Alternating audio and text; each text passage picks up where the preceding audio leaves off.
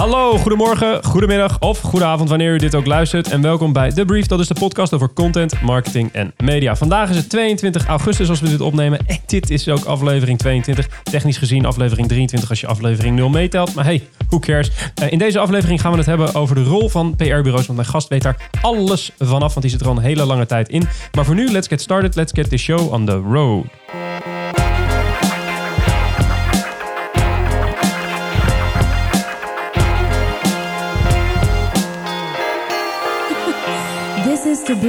Zoals gezegd, aan mijn linkerhand, 22 augustus. Zijn haar zit goed, zijn stem is warm. Matthijs Stuurman. Goedenavond, ochtend, middag.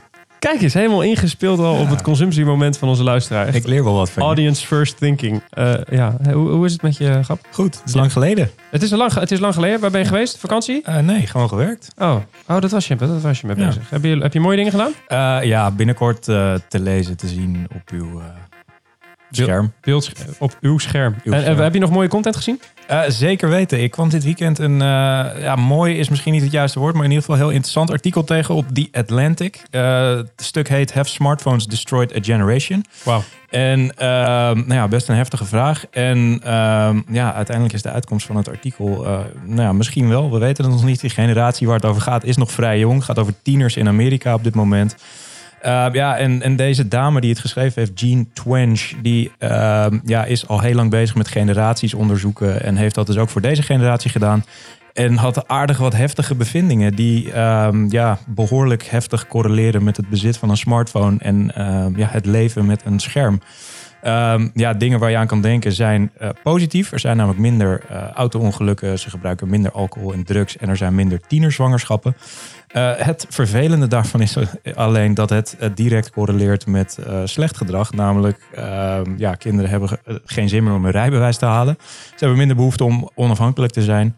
Eh, er is 40% minder sociale interactie in vergelijking met 2007. En ze daten gewoon minder. Ja, en dan ontstaan er ook geen tienerzwangerschappen. Wauw. Dus eh, ja, ga dit lezen. Het is een, een super interessante... En kijk- opbeurend artikel. Ja, je, wordt- je komt er erg blij uit. Maar eh, nee, ja, lees het door. Het is, ja, ik vond het heftig. Ik was van onder de indruk. Het klinkt alsof dit de eerste stap is in een soort van Terminator-esque scenario waarin de machines van ons aan het winnen zijn. Dan hebben wij het zelf, zelf nog, niet, nog niet door. Ik moet altijd denken aan Wally. Dat is misschien wat leuker. Oh, dat is iets opbeurender. Ja. Nou, Ja. twee kanten, twee kanten van, de, van de medaille. Aan mijn rechterhand zit niemand minder dan Gos, eh, Jos, Jo- Gos Jovaart, wil ik zeggen. Jos, Jos Govaert, medeoprichter van PR-bureau Cooper uit Rotterdam. Doen, we- doen dingen in de B2B en de B2C-markt. Gaan we straks heel veel dingen eh, eh, over vertellen. Maar eerst, Jos, hoe is het met je? Het is heel goed. Ik ben net eh, terug van vakantie, eh, vol met eh, energie, ideeën en kan er wel weer tegenaan. Top. En kon je als Rotterdam-beest een beetje je auto kwijt in dat verdomd kleine krappe Amsterdam? Het ging heel goed, want ik heb ervaring in deze verschrikkelijke parkeergarage. Ah, En het zijn hele korte tikjes met je stuur, maar het, het is gelukt. Het is, het is krasloos gelukt. En, en, en ik weet toevallig via ons, het door ons beide geliefde medium Twitter dat jij een vervent Feyenoord-fan bent.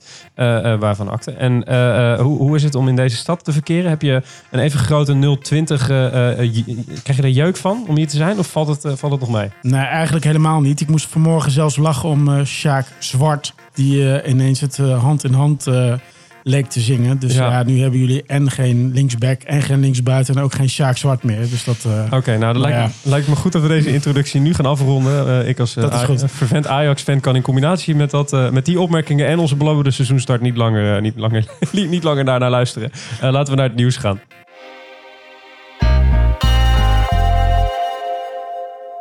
Ja, zoals u eh, van ons gewend bent in de, in de brief, bespreken we iedere week drie nieuwsitems eh, die eh, de afgelopen twee weken eh, de wereld van de content marketing en media hebben bezig gehouden. Eh, Matthijs, jij pikt de eerste op en dat gaat over eh, een geliefde artiest en een kleur, volgens mij. Ja, Prince, God hebben zijn ziel, is vereeuwigd in een pantoonkleur. Hij heeft zijn eigen kleur gekregen.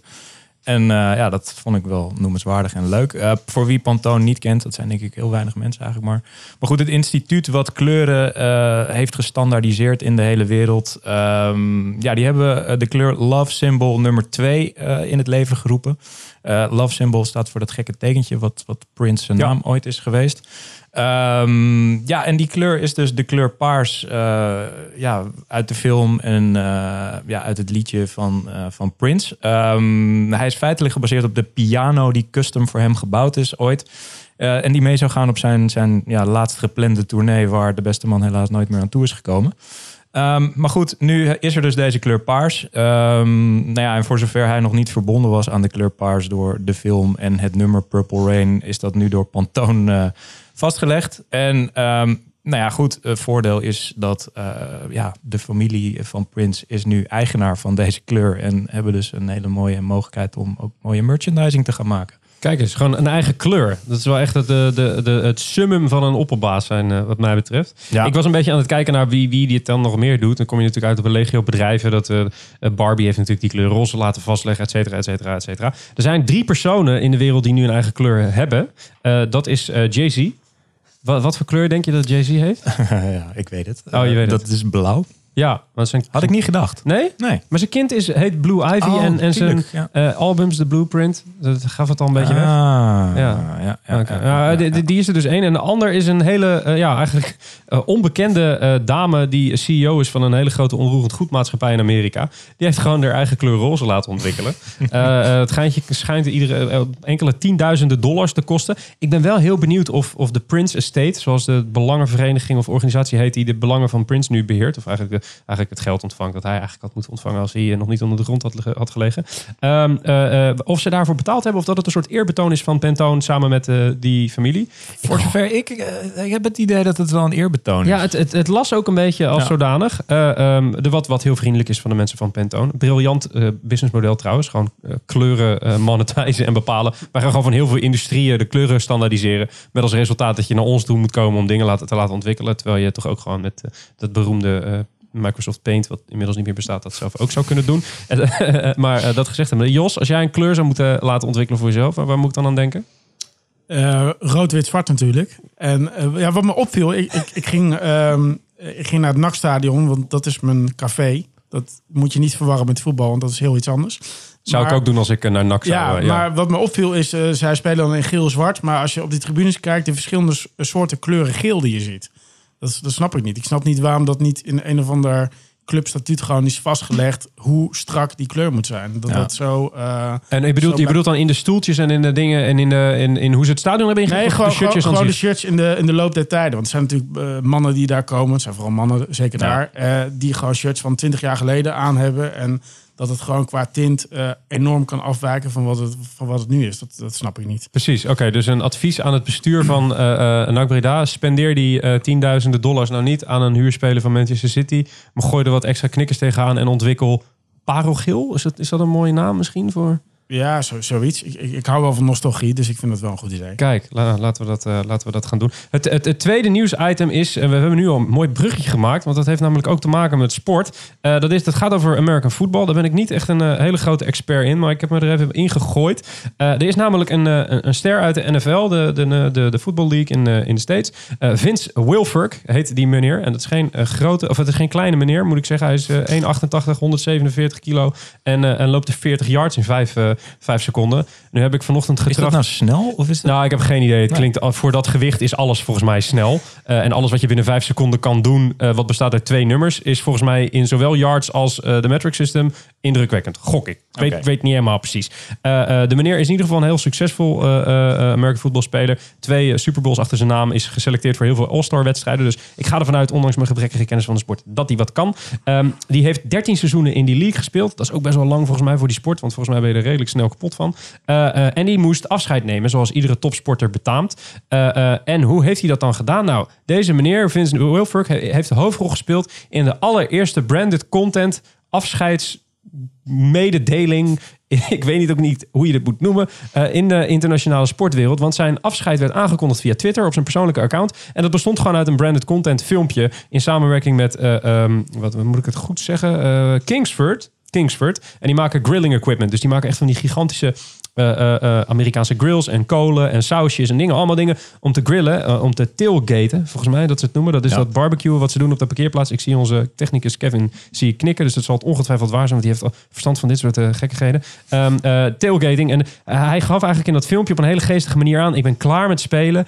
Eindelijk kan ik nu voor wedstrijden van, eh, die in de NFL worden gespeeld... kan ik gewoon lekker vreten op de parkeerplaats. Eh, NPS, eh, ik kap er dus mee. Eh, eh, ik vond het... eh, ik, toen we dit bespraken in de redactievergadering vergadering werd ik verscheurd door eh, enerzijds eh, eh, mijn commerciële hart dat zei, wauw, dit is best wel slim, want dit is gewoon nog even cashen als een motherfucker in het slot van je carrière. En heel slim van dit merk dat ze dit doen en knap dat ze het voor elkaar hebben gekregen. En anderzijds dacht ik, als je 13 seizoenen in de professionele voetballeague hebt gespeeld en succesvol, want je hebt een aantal prijzen gewonnen, dan ben je toch best wel loaded as fuck. En dan na 13 seizoenen ga je, nadat je heel je hart en ziel en zaligheid en jeugd hebt gestoken in die sport, ga je afscheid nemen. En hoe word je dan herinnerd? Als een soort George Foreman 3.0. Als een gast die zijn afscheid verkocht aan een eh eh, kooltjesfabrikant. Daar Am- werd ik een amen. beetje... Ja, weet, daar, voel je dat ook? Voel je die spanning ook? Nee, ik durf niet tegen dit betoog in, joh. Oh. Ik nee, wil, ik ben het helemaal met je eens. ik wil er nog wel iets aan toevoegen, want ik vond het eigenlijk nog erger. In eerste instantie moest ik lachen, werd ik een soort van vrolijkheid. Dit is wel geestig. Maar toen dacht ik ook van, weet je, dit is wel sport. En, en wat, wat, wat straalt het nou uit? Het is, je ziet de vetkwabben in je gezicht, eh, krijg je ze bijna. En dacht van, ja, dan stopt iemand met topsport. En die trekt zijn kleren uit. En die ziet er dan zo uit. En wat zeg je dan tegen, tegen jeugd? Weet je wel, de hele obese toestand, zeker in de, in de US. Eh, ja, ik, ik, zou, ik zou ook als NFL niet zo heel, eh, heel erg gelukkig zijn. Nee, het, het zag er heel. Het is, het is inderdaad super Amerikaans. En ik vond op, op zich, er zitten wel een aantal leuke grapjes in, weet je wel, in die uitvoering. Maar mijn, mijn gedachten bleven alleen maar teruggaan naar dat ene. Ja, het is wel die gasten afscheid. En het is niet dat hij twee seizoenen in het tweede van, eh, van Telstar heeft gespeeld. Het is gewoon 13 seizoenen. Dat is echt een grote meneer. Het is echt alsof eh, eh, Dirk Kuyt aan het einde van zijn carrière had gezegd: Jongens, ik kap ermee. Ik ga voortaan lekker barbecuen. Aangeboden door Remia is dit eh, bericht. Nou, daar zou men, eh, ik heb geen Feyenoord hart, maar daar zou het redelijk van breken. Ja, als het nou de Katwijkse visafslag was, dan, nou ja, oké. Had het nog een beetje sympathiek geweest? Ja, Ja. ja, ja, precies. Nou, ik vond het een, eh, nou, laat ik zeggen, een bijzonder marketingmoment en een dramatisch sportmoment. Matthijs, ga je Ja, daar maar ik vind, ik vind van het van het je moet het op twee manieren zien. Voor die sporter, voor Vince heb ik zoiets van ja, gast, weet je, eh, waarom? Inderdaad, ben ik het wel met je eens. Maar voor dat merk, geniaal, toch? Weet je, iedereen lult erover. Eh, ze hebben een gigantisch, letterlijk en figuurlijk eh, medium, eh, wat, wat hun staat aan te kondigen overal. Dus ja, ja. Complimenten aan Kingsford en eh, Vince. Eh, ik wens je veel succes met grillen. En, eh, ja. En met de centjes die je er Ja, ongetwijfeld hebt geniet ervan. Ik bedoel, dat, dat bedoel, ja, die gozer hoeft de rest van zijn leven letterlijk niks meer te doen. Niet hierdoor, maar doordat het gewoon een topsporter was natuurlijk. Bovendien moet je niet al te veel nare dingen zeggen over iemand van 147 kilo. Denk ik, gok ik. Zeker. Hey, eh, nieuwsitem nummer drie, waar we het nieuwsoverzicht mee gaan afsluiten, gaat over een mevrouw met een hele mooie naam, Matthijs. Ja, ik hoop dat ik er goed uitkom. Eh, het gaat over eh, Sofia Amoruso. Ik keur het goed. Ehm, voor wie niet weet wie dat is. deze dame die heeft ooit de webwinkel Nasty Gal opgericht in, in Amerika. Goeie naam. Ehm, ja, wij mannen weten niet echt wat het is, maar veel vrouwen weten wel wat het is. Dit is vintage kleding, ooit begonnen via eBay, eigen winkels begonnen, gigantisch succes geworden. Eh, Sophia schreef een eigen boek, Girlboss, in 2014. Dat werd een enorme hit. Eh, daar werd een podcast op gelanceerd en ze kreeg zelfs een eigen Netflix-serie over haarzelf. Eh, totdat het eh, 2016 werd. En toen ging de hele tent ineens failliet. Dus Nasty Gal ging onderuit. ehm, en, en ja, Sophia eh, had ineens niks meer. Dus het was best wel een pijnlijk faillissement. Ehm, dus die heeft zich teruggetrokken. En nu kwam ineens het bericht naar buiten dat eh, zij verder gaat met het merk Girlboss. Dus Sophia gaat een, eh, een eigen mediamerk lanceren op basis van het succes wat ze eigenlijk op basis van Nasty Gal heeft gebouwd. Ehm, ja, dat vond ik mooi. Dat is eh, ja, voor iemand eh, die content marketing eh, hoog heeft zitten, vond ik dat mooi om te zien. Dat ze, ja, weet je, ze heeft eigenlijk de theorie goed gevolgd. Ze heeft een eigen publiek opgebouwd. Niet specifiek alleen maar om, om jurkjes te verkopen, maar ook gewoon een publiek aan zich gebonden door, door inter- interessante topics. En ja, daar heeft ze nu een website op gelanceerd. Ehm, ja, online lifestyle magazine over carrière en, en ja, allemaal leuke dingen voor dames. Ehm, bijbehorende social kanalen, nieuwsbrieven, noem maar op. En ook events worden een heel belangrijk onderdeel van, eh, van het businessmodel. En. Eh, ja, dat heeft ze wel aardig gedaan. Dus, Dus, dus het is een soort, oké, dus ze trekt het thema wat ze in die Girl Boss, in dat boek, wat Ja. eigenlijk ging over een ander businessmodel, wat ze daarin beschreef, hoe ze daar groot in was geworden. ja, ze heeft haar eigen ervaringen gedeeld over hoe zij het nou zag. Dus Oh, het ja. was eigenlijk, zij is min of meer per ongeluk succesvol geworden. En die ervaringen heeft ze opgeschreven. En, zo eerlijk is ze ook. Het is best eh, een leuk artikel. eh. Ja, eigenlijk is het al heel erg in lijn met die Netflix-serie. Die heb, ik, die heb ik gezien. En daarin vond ik eigenlijk al van... Ja, weet je, jij bent helemaal niet... Ik weet niet hoe waarheidsgetrouw dat precies was. Maar je bent helemaal niet zo verknocht aan die kleding en zo. Maar je vindt het gewoon heel tof om zelf eh, groot en populair, weet ik veel wat te worden. Dus dit, dit past wel mooi in die eh, lijn. En ik moest een beetje denken aan de door jullie eh, zeer geliefde Gary Vaynerchuk met zijn, met zijn wijn. Weet je, die begon natuurlijk ook vanuit dat bedrijf van zijn vader, die boel verkocht. En op een gegeven moment begint hij, eh, begint hij natuurlijk ook gewoon een, een, een bureau wat uiteindelijk gewoon succesvol is geworden. En erg me verder dood aan die vent. En moet je hem eh één op de twintig keer heb je een keer wel zin om naar hem te luisteren eh, voor een beetje energie in de sportschool of Ja. zo. Als je zelf ook even pissig bent. Eh, maar ja, ik vraag me wel ergens af van, van eh, gaat zo iemand ook echt wel echt hard voor de, voor de klant krijgen? Of wordt dat... eh, Is het een grote Sophia-show? ja, maar dat, dat weet je niet, want je weet niet hoe, hoe gekleurd zo'n serie nou precies is. Dus Ja. ik, eh, ik ben wel benieuwd. Ik, ik moet zeggen, oh, inzoomend, of ik, ik ken de dame eh, eh, Sofia Amoruso, ken ik, ken ik persoonlijk niet. Ik zit niet helemaal in het girl boss eh, doelgroepje, denk ik. Eh, maar over Gary Vaynerchuk merk ik dat ik ben, ik begin nu een beetje moe van hem te worden. Omdat het is zo'n overload aan content die die man maakt. En het gaat allemaal over hoe succesvol die zelf is. Ja, het is steeds hetzelfde. Ik heb de man twee keer live gezien. En eh, weet je, hij pompt een hoop energie erin. En hij zal in, in de realiteit echt wel een heleboel dingen goed doen. Want anders dan word je niet zo groot. Alleen, ja, wat, wat eh, eigenlijk wat bij mij overblijft, wat hij zegt, is van eh, ik ben fantastisch.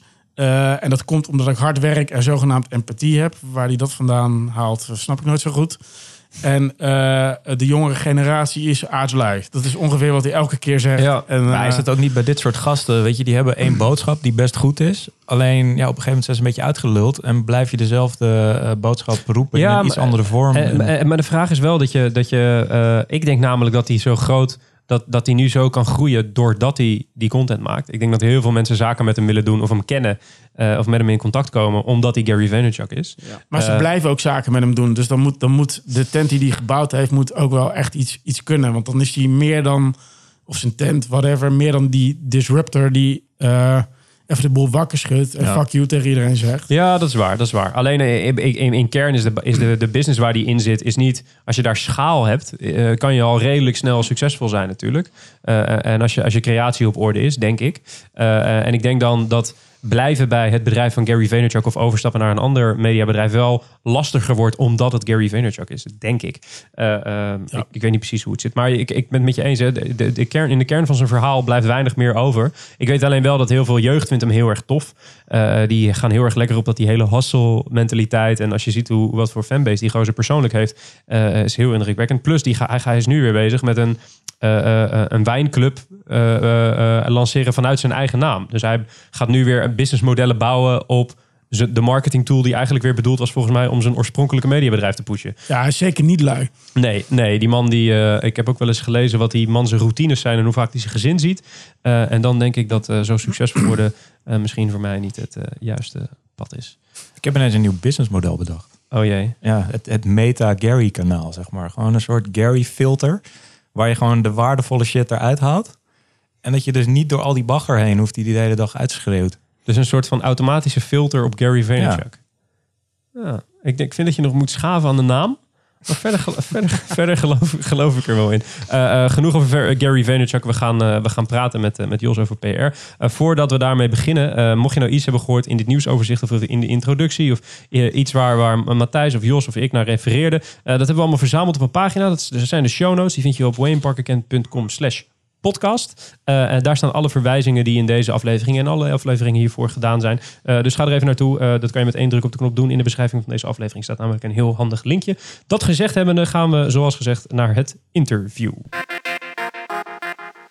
Zijn we aangekomen bij het langste deel en het eigenlijk het belangrijkste deel van deze show. Dat is het, het interview, zoals, zoals gezegd, naast me Jos Schoovaert, medeoprichter van PR-bureau Cooper. gele- ge- ge- eigenlijk gevestigd in Rotterdam, opgericht in Rotterdam, denk ik ook. Ja, Acht jaar, eh, acht jaar geleden alweer, hè? Eh, 2009 was het. eh, Oké. 1 september. Dus we hebben binnenkort weer feest. Kijk eens, feestje, feestje, bij, eh, feestje bij Jos. Die zijn allemaal uitgenodigd. Linkje in de, linkje in de show notes. en jullie werken voor Albert Heijn, Coolblue, Coca-Cola. Nou, ik kan eh, eindeloos doorgaan. Veel grote en, eh, en mooie merken.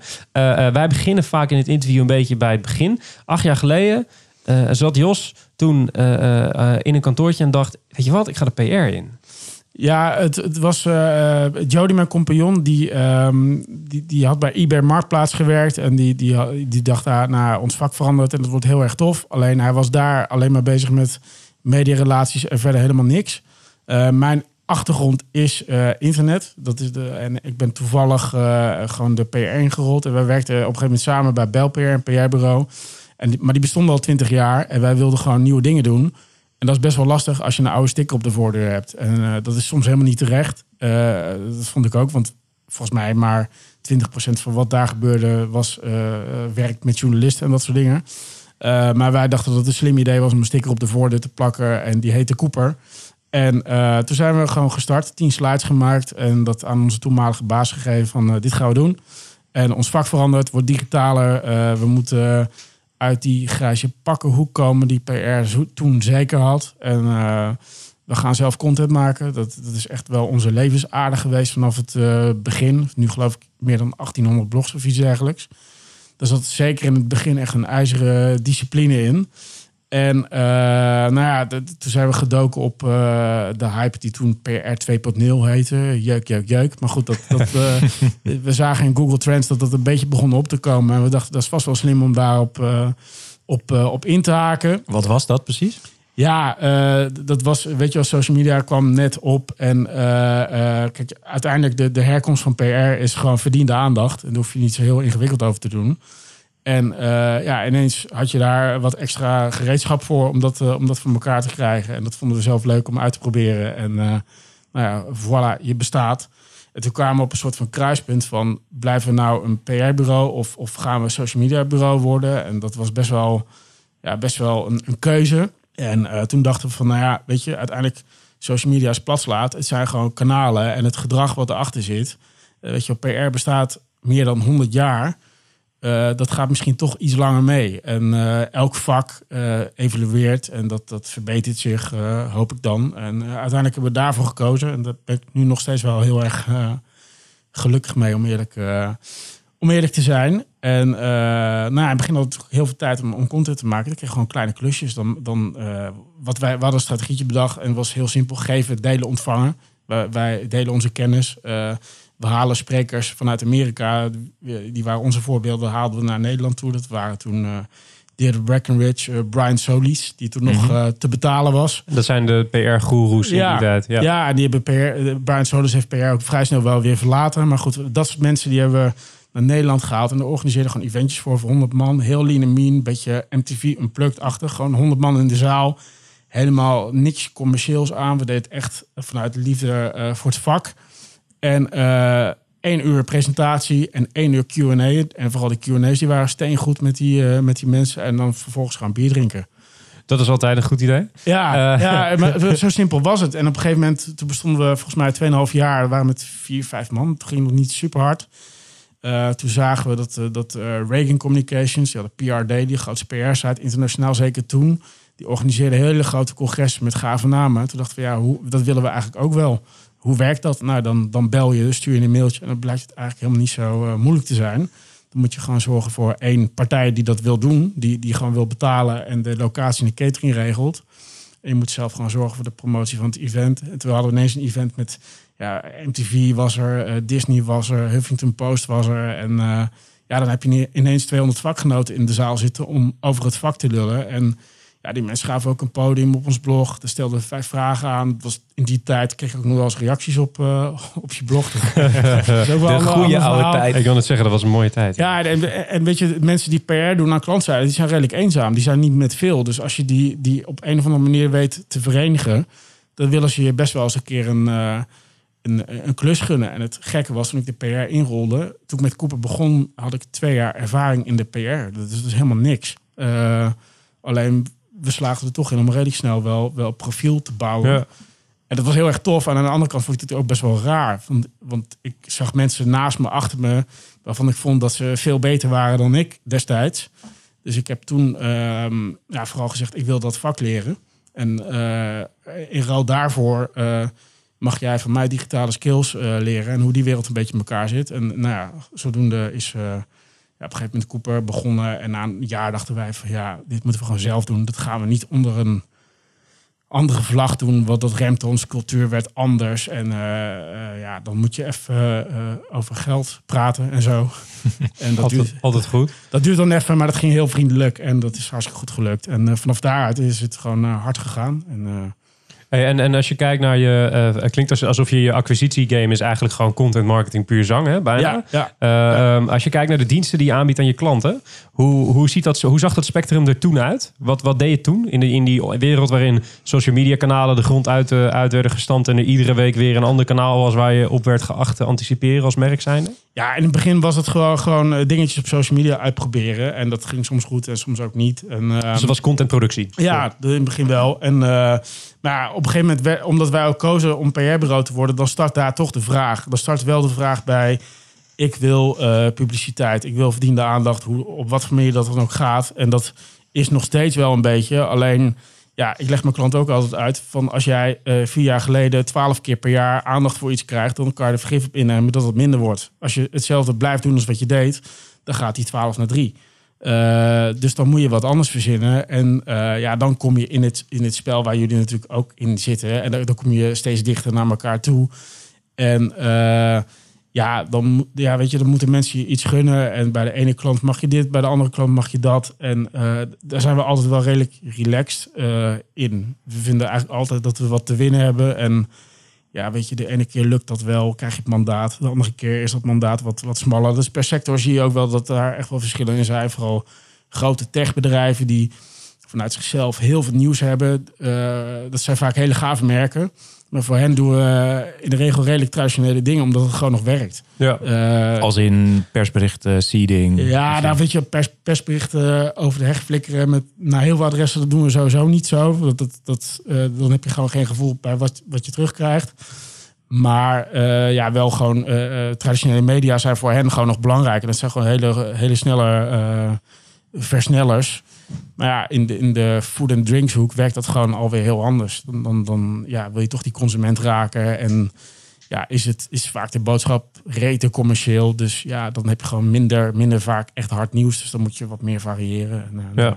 Prima. Eh, Als je kijkt naar je eigen rol, hè, je bent verantwoordelijk voor strategie, als ik me niet vergis, binnen, Ja, ook. binnen Cooper. Eh, als je een, als je een eh, PR-strategie ontwikkelt voor een merk, ik was, ik was heel erg benieuwd, wat is dan je, je leidraad? Waar, waar begin je eigenlijk bij zo'n klant? Is dat ehm, een communicatiestrategie die vanuit het reclamebureau wordt aangeleverd? Is dat eh, een gesprek met de board? Is dat, is dat eh, kijken naar hun businessdoelen? Is dat, wat, wat is je houvast in die zin? Ja, dat, dat varieert heel erg per klant, per segment wel. Maar eh, we zijn nu toevallig bezig met een grote pitch. Dus dat, dat zit het meest vers in mijn, eh, in mijn geheugen.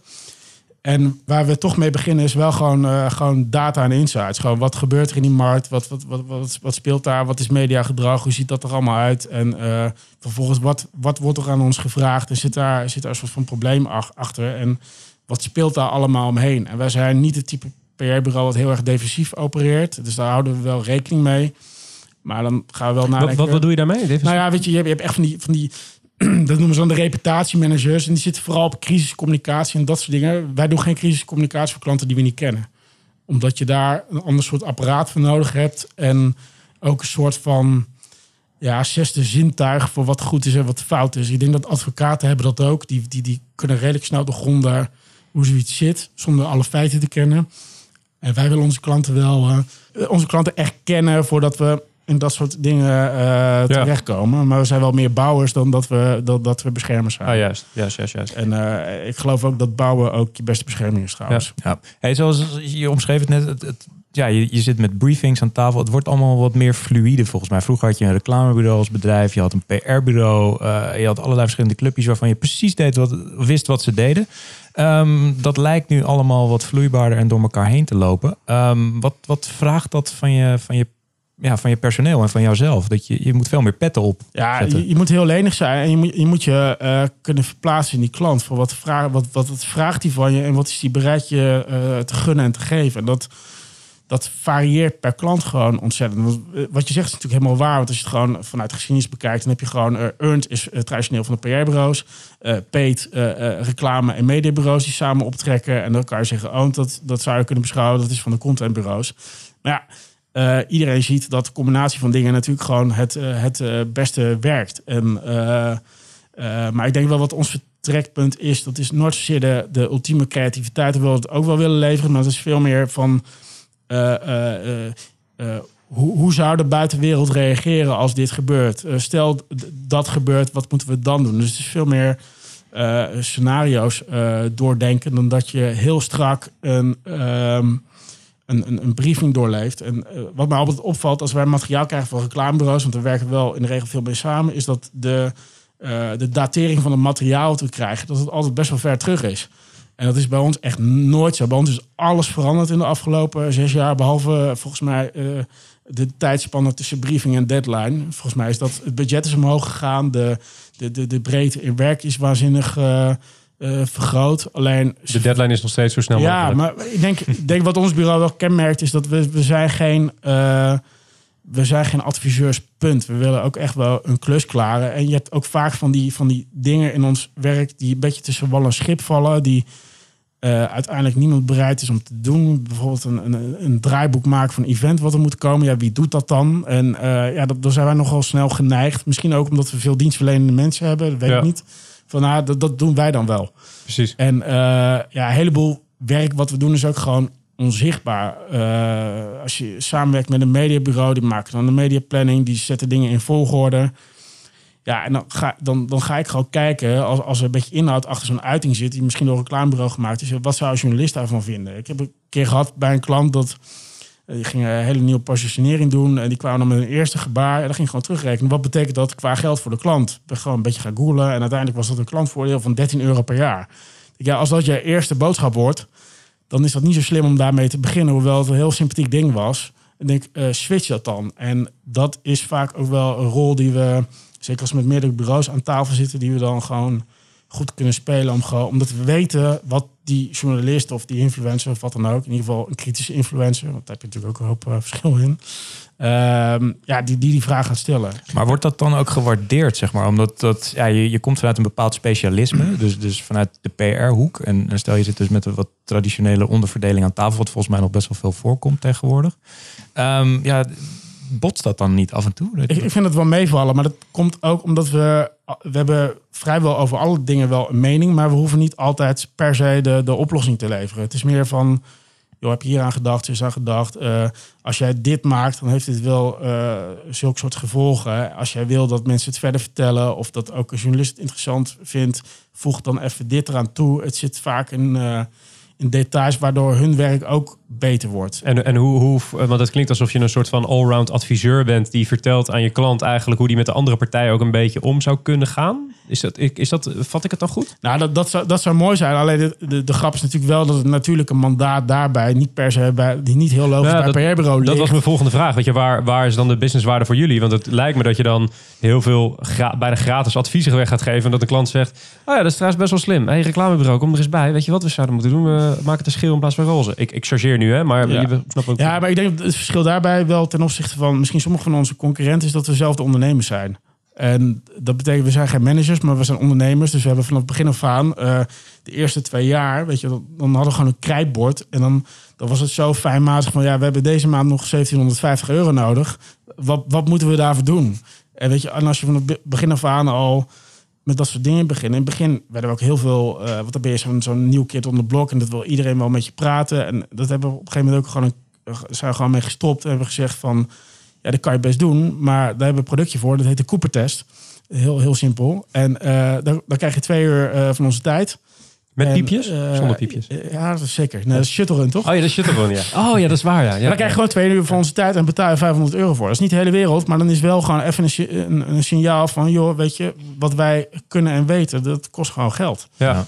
Ja. Ik kan me wel voorstellen dat die, je zei net al, eh, eh, we zijn begonnen met content maken eigenlijk. Hè, die content marketing eh, eh, filosofie helemaal doorvoeren. Als ik een beetje luister naar wat voor diensten je levert. Je maakt zelf ook, eh, jullie ook een studio, hè, volgens mij. Je Ja, maakt ook ja. content voor klanten. Heb je niet gedacht in die acht jaar dat je begonnen bent om halverwege te denken, joh, we zeggen, we profi- pro- pro- profileren onszelf als PR-bureau.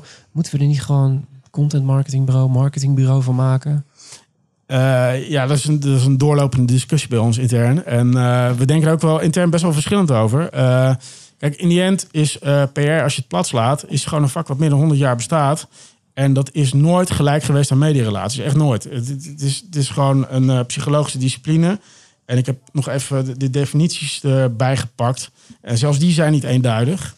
Ehm, ja, en dus, dus het is meer en. Want we moeten niet een keer met het badwater weggooien. Want de eerste vraag wa- waarop klanten binnenkomen is gewoon een, een PR-vraag zoals de meeste mensen PR zien.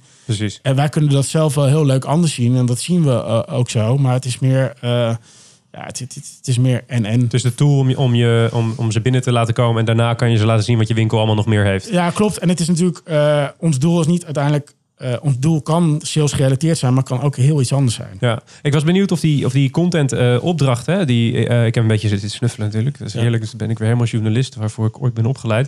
Ik ben een beetje gaan snuffelen en toen zag ik heel veel content opdrachten op je, op je site staan. Maken die opdrachten, dus het content maken voor klanten, altijd deel uit van een bredere PR-strategie? Of is het ook zo dat je losse content dingen doet voor klanten? Ehm, nou, in 80% van de gevallen is het wel Is het gewoon een onder, on- onderdeel van. Van een PR-ding? ja, ja. en we hebben een paar jaar geleden zijn we inderdaad met de studio begonnen. En die, die had al wat eigen handel. En eh, dat komt nog, nog wel vaker rechtstreeks, eh, rechtstreeks binnen. Eh, maar het is altijd wel in context van. En ook gewoon wat we snel kunnen leveren. En, Ja. Ja, het zit dus eigenlijk altijd wel op die earned kanalen van, eh Ja, maar dat, daar geloof ik ook in dat, dat dat uiteindelijk het doel moet zijn. Kijk, wij zijn als PR-bureau ook helemaal niet vies van, van media inkopen of wat dan ook. Dat vinden we echt helemaal prima. Alleen we willen wel dat het resultaat eh, moet iets zijn waardoor ook earned vergroot wordt. Ja. Kijk, als jij, als je zeg maar je resultaat hetzelfde is van wat je mag verwachten als inkoop, ja, dat, dan vind ik eigenlijk dat je het redelijk matig gedaan hebt. Ja. Ja, ik zit En, ook meer te eh, denken dat, dat klanten misschien ook zeggen van... hé, hey, wat jij doet op Earned, eh, doe dat ook eens even voor onszelf. Dus dat je, dat je eigenlijk de kanalen van je klant eh, overneemt. Is dat ook iets wat vaker bij jullie terechtkomt? Of? Ja, ik geloof daar zelf niet zo in, omdat ik vind dat klanten eh, bij heel veel dingen wel zelf aan de knoppen zouden moeten, moeten, moeten zitten. Los van het feit of ze het altijd kunnen, dat, dat, dat varieert natuurlijk eh, enorm. Ehm, ja, dus, dus dat, dat, ja, dat varieert wel een beetje. Eh, Hoe, hoe zie jij die rol?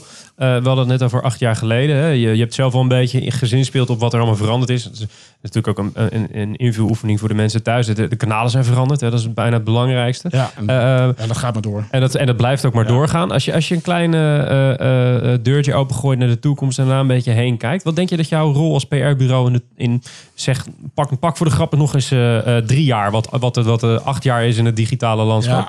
Eh, hoe, hoe ziet jouw rol er dan uit? Is het, ben je dan een full service-achtig bureau? Of eh, is, is, de, is de definitie die we hebben van PR dan veranderd? Ja, maar die verandert continu. Alleen heeft eh, de mensen die niet mee bezig zijn, die hebben die niet door. En PR-bureaus zelf zijn altijd heel angstvallig bezig. Omdat dan maar, eh, vandaag verscheen er weer artikel op Communicatie Online. Met allerlei misvattingen over PR-bureaus. Denk van ja, dan ga je dat vertellen aan de mensen die dat al weten. Dat schiet lekker op. Maar als, ik, als ik verder vooruit kijk, dan is gewoon trust natuurlijk wel een ding. En dat gaat gewoon nog vertrouwen. En dat gaat natuurlijk steeds harder nu door Trump en Wilders en weet ik veel wat.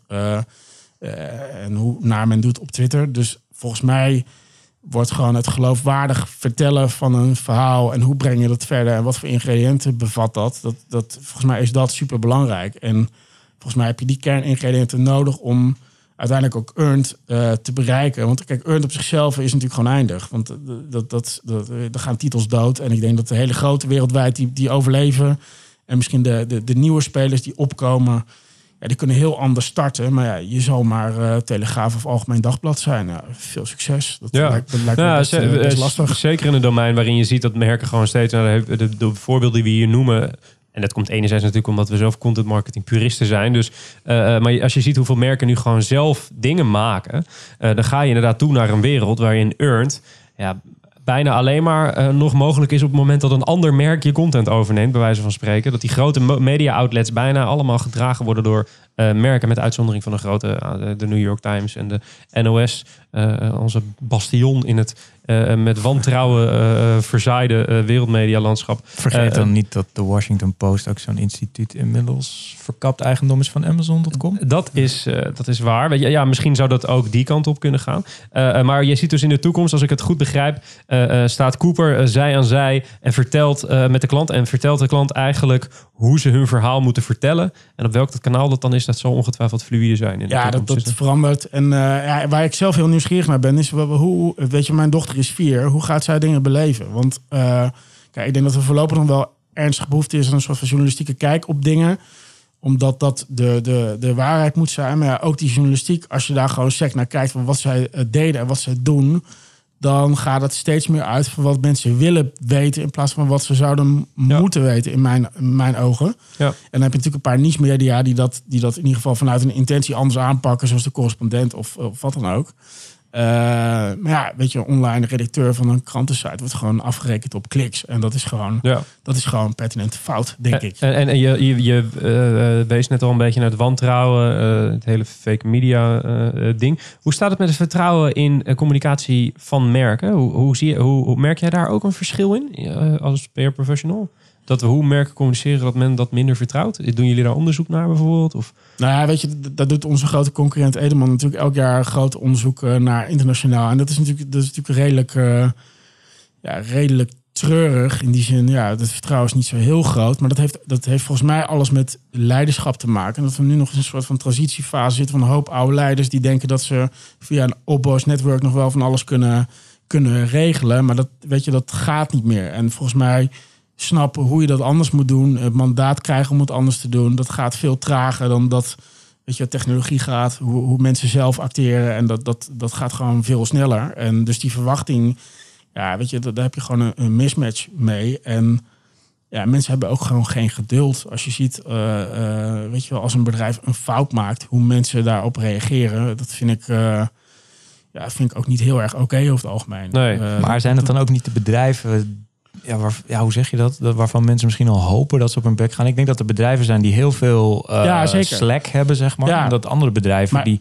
Da- Daar werkt journalistiek ook wel aan mee. Hè? Als er eenmaal een frame gekozen is rondom een, een, een bepaald bedrijf, dan kan je ook best je voordeel mee doen als het positief is. Want dan, dan dat is vaak zo hardnekkig, omdat heel veel journalisten gewoon te lui zijn om, om echt eh, te onderzoeken of het wel klopt, of het wel anders is. En ik denk dat je vanuit PR er naartoe moet om eh, het echte verhaal boven water te willen krijgen. En juist niet die, die, die, weet je, die corporate spin en je productshit eh, uit, eh, uitstorten. het klinkt, als, ja, klinkt als een omgekeerde wereld bijna. ja, maar ga, ga maar de journalisten gaan mee in het, in het, in het frame en eh, PR-firma's moeten op zoek gaan naar... Ja, maar het, het is waar ik zelf in geloof. En ik ben misschien zelf ook onvoorstelbaar naïef af en toe. En, maar ik denk wel dat het... ja, weet je, wil je, ehm, wil je overeind blijven... Wil je gewoon het bestaansrecht hebben als bedrijf... dan moet je gewoon oké zijn. En daar, daar start het gewoon. En als je niet oké bent, dan, dan eh, kun je best oké worden. Want je mag fouten maken, je mag verkeerd beginnen. eh, Allemaal goed. ja. Maar eh, doe wat. Hey, en over die, over die we hadden het net in de redactievergadering, eh, tweede keer dat ik ernaar refereer, maar is een goede, goede redactievergadering. Eh, goede redactievergadering was fantastisch. Hadden we het over domein PR. En toen eh, zeiden we, misschien moeten we eens vragen naar de, de grootste PR-fuck-ups die eh, Jos zelf heeft begaan eh, eh, namens een klant of, of een klant heeft zien begaan. Omdat het altijd zo spannend en lekker. En ik zag dat je zelf al had geblogd over de blokker-woordvoerder die eigenlijk geen woordvoerder was. Die zo stond te stotteren voor een camera. Wat, is, wat is de grootste uit de afgelopen acht jaar die jou nog bij is gestaan? Waarvan je dacht, oh jezus, dat een merk dat heeft... Ja, die, ik zelf heb, heb meegemaakt van, van dichtbij. Ik wil geen namen noemen, dat is een beetje naar. Want iemand is. ik heb ervoor gezorgd met mijn collega's dat iemand na een optreden op BNR een week lang met vakantie is gegaan. Eh, die, die hadden we getraind. En ehm, een hele leuke vent. Maar ik denk uiteindelijk dat hij gewoon niet achter zijn tent stond. En eh, bij een paar kritische vragen, weet je, in de mediatraining scoorde hij een 6,5. Ja, Is dat goed? Nee? nee, slecht. Oh. Ik was er op school altijd heel blij Ja, mee. maar dat is dus voor dat gewoon niet goed genoeg, Nee. vind ik. Ehm, maar ik vond dat hij zijn gezicht moest laten zien. En dat was gewoon, ja, dat was gewoon eh, niet goed. Dat was gewoon een verkeerde, verkeerde inschatting. En, en nu ja, naar de blokkenverhaal refereert. ehm, kijk, ik vind het heel... Mensen worden, woordvoerders en zo, worden heel makkelijk afgepist... eh, voor hoe ze, hoe ze dit doen. En dit was natuurlijk ook wel ultiem slecht. Wel Was dit een woordvoerder? overigens? Nee, nee, nee. hè? Kijk, dit was een. Maar daarom, daarom. Ja, nee, het- hij heeft vandaag eh, is hij eh, terug, eh, teruggestapt. Tenminste, als mensen het luisteren, is misschien weer een andere dag. Maar Hij is in ieder geval teruggestapt. ja, hij, hij heeft. we zullen de komende weken nog wel gaan merken waarom dan precies. Alleen, eh, ik denk dat ze dit hadden kunnen weten. Want wat ik heb gedaan toen hij dat slecht optreden had, heb ik op YouTube gezocht of ik nog meer speeches van hem kon vinden.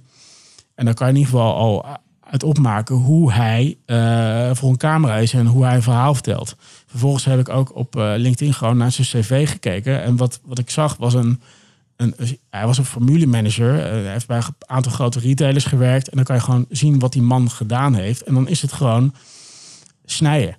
Hele impopulaire maatregelen nemen om eh, tenten te redden. En dat is natuurlijk helemaal niet eh, eh, leuk. En als je daar vol in zit, ja, dan is het best wel moeilijk om te switchen naar eh, eh, empathie als daar niet je natuurlijke talent ligt. En hij was natuurlijk vanuit zijn functie was hij logische persoon om naar voren te schuiven. Maar eh, volgens mij in een training, hij, hij zal echt wel voorbereid zijn. Want je zag dat hij helemaal ge, ge, ge, Gebrainwashed gedrogeerd was met kernboodschappen, waar ik sowieso geen fan van ben. Eh, vertel je eigen verhaal, je eigen woorden. En tuurlijk kan je iemand trainen, maar dat is, ja, dat is echt op details. En hoe zeg je iets? En, en het, is ook, het zijn gewoon een paar standaard regels. Je moet geen kernboodschap eh, gaan herhalen. Je moet verhalen hebben, je moet anekdotes hebben. Je moet, je moet voorbeelden hebben van mensen die de afgelopen weken keihard hebben, hebben gewerkt. En daar iets concreets uithalen. En dat, dat, dat deed hij allemaal niet. En ja, daar ligt zijn talent dan ook niet. En ik snap niet, iemand heeft er toch voor gekozen op enig moment om hem dan voor de camera te zetten. En ik, ik vind niet eens dat het die man zelf zo verschrikkelijk is aan te, eh, Het is, aan het, is, rekenen. het is bijna zijn werk niet om dat, eh, om dat te doen. Ik denk, ik denk dat hij nu eh, ook op vakantie, eh, vakantie kan. Dus Hij schijnt er wel ongelooflijk veel zelfspot over te hebben. Dat heb ik ook eh, echt, Oh, echt dat vind ik, dat Dus- kan ik zeer, Dus, dat, dus, dat is daar zeer krijg je heel veel punten voor. Dat Maar- is zeer te, zeer te waarderen. Hey, ehm, eh, eh, we werken hier in het eh, interview altijd met thema's. Dat heeft u thuis helemaal niet door. Maar dit is echt een intens gestructureerde operatie. Eh, ehm, toen vroegen wij aan jou eh, eh, vooraf... Jos, waar wil je nog meer over praten? Toen noemde jij een woord. Holocratie. Daar moeten we het over gaan hebben. Toen dacht ik, weet je wat? Ik ga me niet inlezen. Wat is het? Waarom moet ik het weten? Wat doet het? Vertel. Nou, als jij, eh, toen we met Cooper begonnen, eh, raakten we aan het begin een beetje teleurgesteld over het ondernemerschap in mensen. En dat was niet hun fout, dat was onze fout. Want als jij eh, dat allemaal verwacht en het gebeurt op sommige vlakken niet, dat komt dat gewoon omdat je geen duidelijkheid hebt gegeven in wat je van mensen verwacht. En op een gegeven moment groeiden we heel snel van een jaartijd van 11 naar 24. En dat krijgt dan een behoorlijke omvang. En dan, dan wordt de koffieautomaat ineens belangrijk. Dan wordt daar van alles besproken. En er wordt van een mug een olifant gemaakt. Nou, je herkent dat vast ook wel. eh. Ik, ik geef geen commentaar. En, eh, en eh, ja, toen liepen we een tijdje geleden tegen een systeem aan... wat eigenlijk niks anders doet dan de default setting van je organisatie precies andersom zetten. Van ik vraag toestemming voor dingen versus eh, ik ga gewoon en als het niet kan, dan hoor ik het wel. En dat, dat, dat klinkt heel erg eh bazaal, maar dat, dat is nog verrekte moeilijk. Weet je, ik kreeg gewoon een vraag van een collega van een of andere tool die we gebruiken van ja, mag ik die mensen uitnodigen op kantoor zodat ze iets kunnen komen vertellen? En waarop eh, mijn antwoord was van ja, waarom vraag je dat aan mij? Maar toen ging ik even terugkijken en, en gewoon hoeveel van dat soort vragen bij mij terecht kwa- eh, kwamen. En, en eh, weet je, dan heb je gewoon twintig pet op en dan bemoei je met alles en van alles nog wat. En ehm, ja, ik ik wilde gewoon dat mensen dingen gingen doen waar ze goed in zijn en waar ze blij van worden. En ja, wat, wat het puur is, is gewoon al het werk wat je doet, maak je expliciet, vertaal je in rollen. Eh, en daar horen gewoon accountabilities bij. En binnen Kun, kun je dat wat concreet nou, maken? wat is een heel- voorbeeld van een rol, Nou, eh, een, een, een, rol. eh, Ik ben bijvoorbeeld, eh, laat ik bij mezelf houden. Ik ben verantwoordelijk voor een nieuw business. En daar hoort gewoon een accountability bij. En dan is het, eh, eh, ben ik al- vrij om alles daarbinnen te doen wat ik eh, eh, goed vind. En een accountability is dan is het een exacte KPI van breng zoveel zoveel meer klanten in. Ja, dat, hoe, je dat het, kan. hoe je het regelt. soms is het soft, soms is het hard. En, maar wat daarbij gebeurt, is dat een heleboel rollen van de mensen onwijs tof om te doen vooraf. Maar dan krijg je ineens de rol en dan moet je het gaan doen. En dan gebeuren ook dingen van dat mensen achterkomen van shit, ik vind dat eigenlijk helemaal niet leuk. Of ik kan dat niet. Of ik, ik moet nog een paar skills ontwikkelen. Of, en, dat wordt allemaal eh, ja, pijnlijk expliciet. En het voordeel is dat heleboel dingen nu ineens snel vooruit gaan. Eh, allerlei projecten die eh, jaren op de plank lagen, die, die komen nu eens tot, tot wasdom. Mensen aannemen, keuzes daarbij, dat kon eindeloos lang duren. Op een gegeven moment duurde het ook veel te lang voordat sommige mensen antwoorden kregen, omdat het gewoon zweefde van wie doet dat nou? En in het begin, als je met z'n achter bent of zo, is het allemaal nog wel een soort van duidelijk. En daarna, ja, weet je, ik weet niet wanneer jij voor het laatst je functieprofiel bekeken hebt. Ik, ik moet eerlijk zeggen dat ik niet eens weet of ik een functieprofiel heb. Nou ja, dat. Eh, en, en dit is een soort van levend systeem. Eh, je bent continu je eigen baan aan het eh, aanpassen, creëren. En, en degene die daar veel in stopt, die kan de baan van zijn leven creëren. En ja, degene die dat niet doet, die kan, die kan ook onder zo'n systeem best wel ongelukkig worden. Dat, Maar wordt het dan niet een soort Darwinesk eh, recht van de sterkste, degene met de grote muil? Ja, die, ju- eh, juist niet. Omdat je, het systeem heeft een aantal spelregels. Eh, Je hebt, je hebt twee soorten meetings. Dat is het eh, werkoverleg en het rollenoverleg. En met name het rollenoverleg, dat is be- wordt best wel strak geleid. Maar je moet het ook echt door een externe laten doen. Want ik merkte zelf dat ik in het begin veel te dominant was. Ik had overal mening over. En bij een normale meeting, dan, dan roep je gewoon, dan schreeuw je. Dan, denk je het snelst en dan, dan gooi je het er maar uit. Maar nu moet je gewoon op je beurt wachten. en Oh, dat is- heerlijk klinkt dat. en, en dat is wel. eh, dus iedereen heeft hetzelfde recht om iets in te brengen. En het hele systeem werkt op basis van tensions, spanningen noem je dat. En een spanning is niks anders dan eh, het is nu zo en ik wil. Je moet heel erg bij jezelf houden. Ik wil dat het zo wordt. En ehm, wat, wat je dus niet kan doen is zeggen van ik vind het kut eh, eh, en lopen zeiken. Maar je moet dus met een voorstel komen. Van eh, ik ben hier niet blij mee of ik wil, ik heb deze ambitie en dit is mijn eerste voorstel. En dan kan je vervolgens input verzamelen. Maar het is geen democratisch model. Dus ik kan, eh, ik kan zeggen van nou, ik wil van twee rollen wil ik input hebben. Eh, daar luister ik naar. En dan, dan heb je zelf de vrijheid om je voorstel aan te passen. Maar je kan ook zeggen van nou, ik heb je gehoord, maar ik, eh, nou, ik eh, doe er niks mee en ik ga lekker zo doen. Tof. Goed, op, goed om te weten dat die veel safe er nog, eh, nog in zit. Ja, ik, ik las op jullie site eh, of op je blog dat, dat jullie het nu een half jaar doen. Ongeveer. Ja, Ehm, iets korter denk ik, denk een maand of vier, vijf, zoiets. en met de helft van het bedrijf, toch? Heb ik dat goed Ja, gelezen? nu allemaal. Oké, dus je bent net Ja. om. Zag je echt performance verschillen tussen, tussen de helft die het wel deed en de, helft die het niet deed? Nee, nog niet. Dat, dat is ook precies de reden waarom we eh, met de helft begonnen zijn. Omdat leren kost gewoon tijd. En je doet dingen verkeerd. Eh, je gaat in het begin veel te, veel te veel uit van een wenselijke situatie dan, de, dan hoe het werkelijk gaat. Eh, dus, dus het is in eerste instantie doe je wel echt wel een paar stapjes terug in tempo voordat je gaat, eh, voordat je gaat versnellen. Alleen wat gewoon heerlijk is, is alles is duidelijk. En eh, er kan niemand meer zeggen van ja, ik, ik wist niet bij wie ik moest zijn. Want het staat gewoon in een systeem waar iedereen in kan. Iedereen heeft ook toegang tot alle metrics en alle documenten. En dat is de, ja, de managers zijn weg. Dus je kan je niet meer verstoppen. Nee. Nou ja, wat dus voor introverte mensen die, die het moeilijk vinden om eh, op te staan, best wel feest is. Want die, die eh, voorheen eh, in bureauwereld heb je natuurlijk, zeker bij ons, heb je heel erg hiërarchische ladder. Je komt binnen als trainee of zo, of dan word je junior, dan word je consultant en dan word je senior consultant. En dat, dat gaat uit van ja, een soort van hiërarchie van nou dan moet je hier aan voldoen en dan kan je een trapje omhoog. Terwijl dat heel erg afhangt van degene die boven je staat, wat zijn referentiekader is. Dat, en dat is natuurlijk ontzettend oneerlijk, want iemand kan binnen een bepaald domein misschien wel supergoed zijn, maar al- als iemand anders daarboven dat niet per se als hoogste waardeert, dan is dat, eh, ja, dan, dan, dan groeit iemand niet. Nee. Klinkt als, een, klinkt als een systeem wat wij tijdens de podcast ook eens een keertje zouden moeten in- invoeren.